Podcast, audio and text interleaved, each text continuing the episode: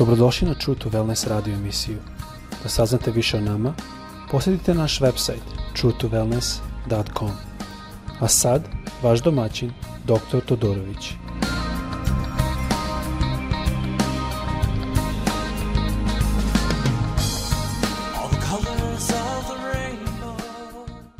Ljubazni dobar dan i dobrodošli na naš podcast koji radimo iz Floride – Želim se izviniti, moj srpski je, malo teži, kao što većinu vas znate. Ja sam odrastao u Kanadi od mladih nogu, tako da engleski mi je puno lakše nego srpski, ali a, to je čudno, jer a, ja sam teo da radim podcast na engleskom, ali gospod nije to a, e, me zvao, niti je blagoslovio, sam baš bio i probao. A na srpskom a, gospod je dao da ide i za sada Mislim skoro da sam pogledao da ima oko 5000, preko 5000 koji su downloadili i slušali.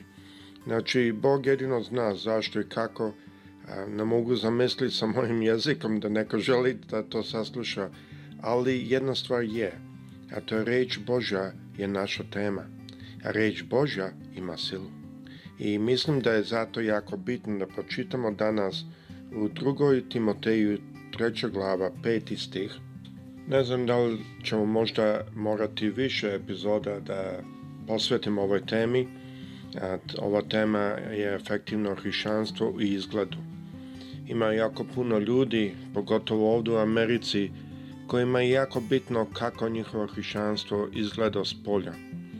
Nije to možda bitno kako iznutra, njima je bitno kako izgleda iz polja. I onda sam ja razmišljao, gospode, zašto bi to bilo? To bi bilo efektivno kao da neko hoće da jede pomoranđu ili jabuku koja je plastična, kada ima normalno lepa koja se može jesti, zašto bi neko probao da jede plastično? I onda sam shvatio da jedini odgovor tu bi bio da taj neko ne zna za pravu jabuku i pravu bananu, zato pokušava da jedu plastično. Na taj isto način ovde vidimo gde je Paul, apostol Paul opisao Timoteju. Timotej je bio njegov u efektu učenik, a, puno mlađi brat koji je bio jako a, predan gospodu i to se vidi da je njemu bila vera, u njemu je a, zaista Duh Sveti radio. I apostol Paul koristi ovu priliku u 2. Timoteju treća glava, počeoši sa petim stihom, gde opisuje određeni vrstu ljudi koje on želi da Timotej se ne bavi s njima, da ne bude drug s njima, da, da u efektu se ne druži s njima. I u petom stihu kaže, prividno će se držati pobožnosti, a porica će njenu silu. Kloni ih se, jer od njih su oni koji se uvlače u kuće i zavode ženice opterećeni kresima, koje se povode sa raznim požudama Onda sedmi stih kaže, koji stalno uče, ali nikako ne mogu da dođu do spoznanja istine. Dok sam ja čitao ovaj stih, naišao sam na neke odgovore, da kažemo tako. Um, reč Božja ovde objašnjava pa stvari. On kaže ovde, prividno se drže pobožnosti, a poricu se njene sile. U Drugim rečima, od spolja izgleda kao da žive pobožno, a nema nikakva sila u njima.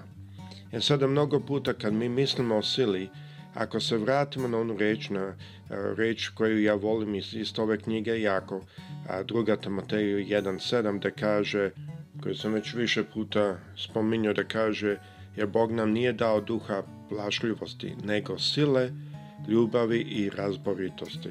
Na engleskom, a kao što sam više puta rekao, tu kaže obnovljenim razmišljanjem. Znači razmišljanje koje je obnovljeno nekom silom. Ovde što kaže sila je u stvari sila spasenja. To je ista sila na koju se ovde odnosi u trećoj glavi.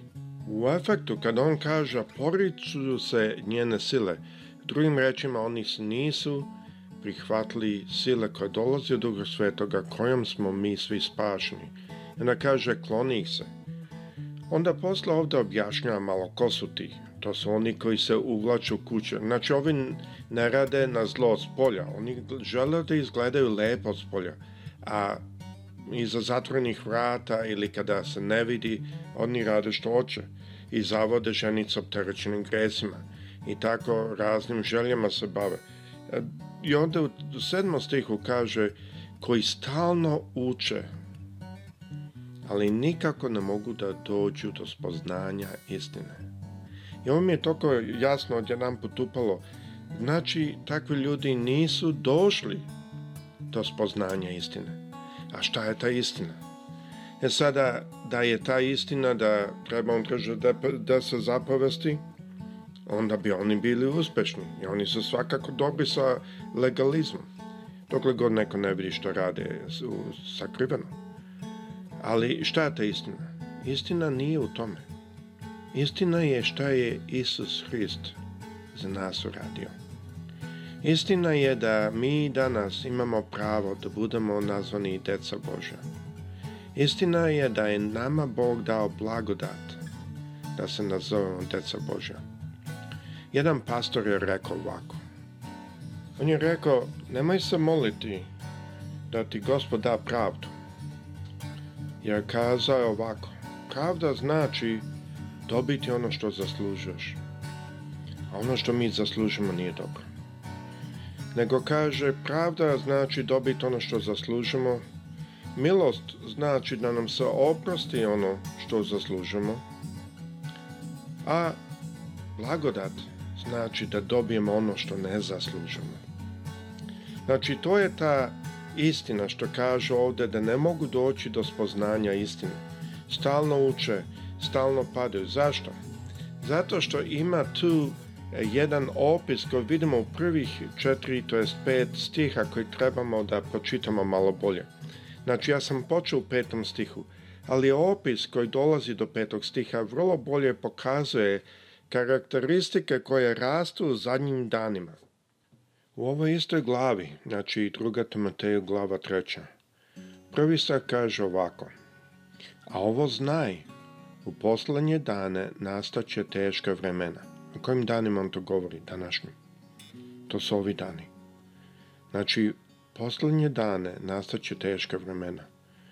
Jer ljudi će biti samoljubivi, sreboljubivi, falisavi, oholi, huliteji, nepokolni roditeljima, nezahvalni, bezbožni, bezosećajni.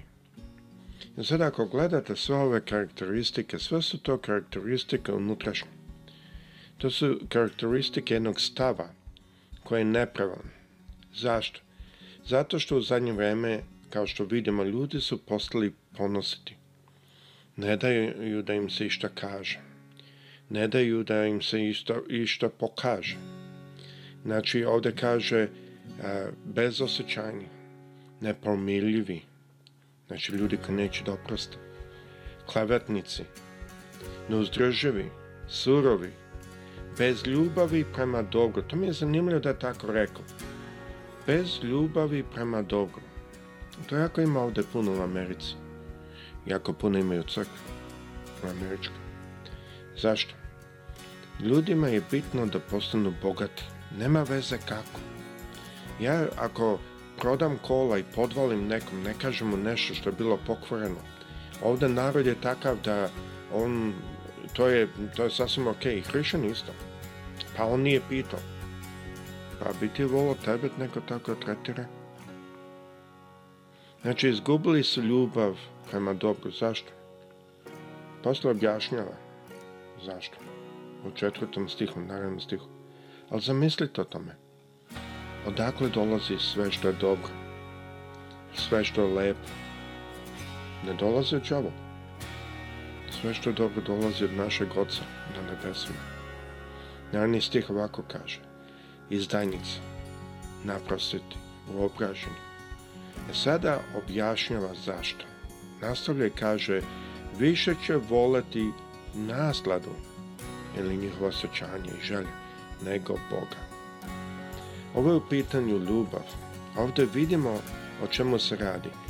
Kada ljudi hodaju tako da izgledaju e, lepo s polja, a unutrašnjosti nema nikakva dobra. Kao što je ovde rekao, nema sile. Da je privodno se držati pobožnosti, a poriču se njene sile.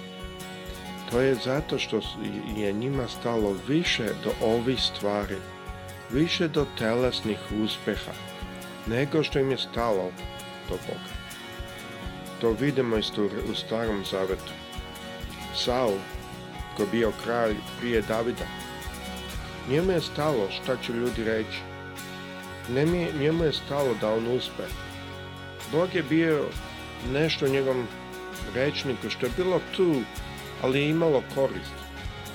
Ja znam političare danas ovde u Americi koji koriste Boga kao jedna korist, a u stvari kada pričate s njima privatno, oni se rugaju i smejavaju hrišćanima. Nažalost, jedan takav političar, jako poznat ovde, je jedan koga mnogi, mnogi slušaju, hrišćani. Zanimljivo, Jer ima na spoljašnosti izgled pobožnosti, a iznutrašnjosti nema. Ima ovde ljudi koji su rekli da će ako i da Isus dođe dole na zemlju i da im kaže da nešto rade, oni će prvo da provere sam čovjeku. Možete zamisliti o kome pričam, to je o Trumpu. E sada, on ima neke dobre stvari u politici i ovo i ono ali ja ne pričam politici, ne pričam o njegovom političkom uspehu ili neuspehu. Ja pričam o ovome što piše ovde. Prividno se držaju pobožnosti, a odriču se njene sile.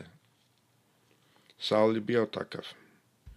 On se držao spoljašnje pobožnosti. On je bio glavo iznad svakog drugog. Ali srce mu nije bilo na mestu. On je uvek pazio kako izgleda i on je odlučio da će on ponuditi žrtvu Bogu zato što Samuilo nije došao. Rekao da će doći i on je čekao tih sedam dana i Samuilo je e, kasnio i onda je on uzao da ponudi žrtvu. Zašto ga je Bog tu odbio? Zato što je on izabrao izgled iznad Boga. On je znao da on ne sme da ponudi žrtvu. Možete to pročitati u knjizi sudija, mislim da je sedma glava. A David, šta kaže Bog? Bog kaže, Saula mrzeh, ali Davida voleh. Zašto? Zato što je on prvo, na prvom mestu želo i volo Boga. On čak mu se žena jedna, on ima više žena, jedna žena mu se čak smejala, Saulova či, zato što je on igrao polugol pred narodom, zato što je bio toliko vesel jer je uspao da dovede kovčeg Božeg saveza bliže sebi. I sada vidite da je Saulova čer, čer koja je bila njegova žena, isto jedna od njegovih žena, ona ga je odmah prezirala. Zašto? Zato što ona navikla nešto drugo u, u Saulovom životu, u životu njego, njenog oca koji je bio kralj tada ili do tada. Ona je navikla neki drugi izgled, više iz polja, da se pokaze nego iznutra. Znači, reč Bože nas ovde uči da se ovo dešava zato što su ti ljudi izabrali da vole više nasladu nego Boga. Zato kaže on, prividno će se držati pobožnosti, a poricat će se njene sile, kloni ih se. A naredne epizode ćemo govoriti s Kološanima, te ćemo videti drugi razlog zašto ovo, ovo isto ima da bude, a to je legalizam i kako to ulazi u sliku. Tako da ćemo o tome govoriti naredne epizode, nadam se da nam se pridružite, kao su sa svima vama. Prijatno!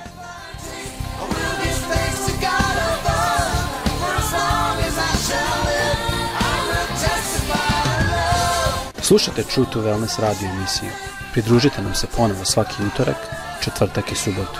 Za kontakt molimo posjetiti naš website truetowellness.com. Naša email adresa je info at truetowellness.com.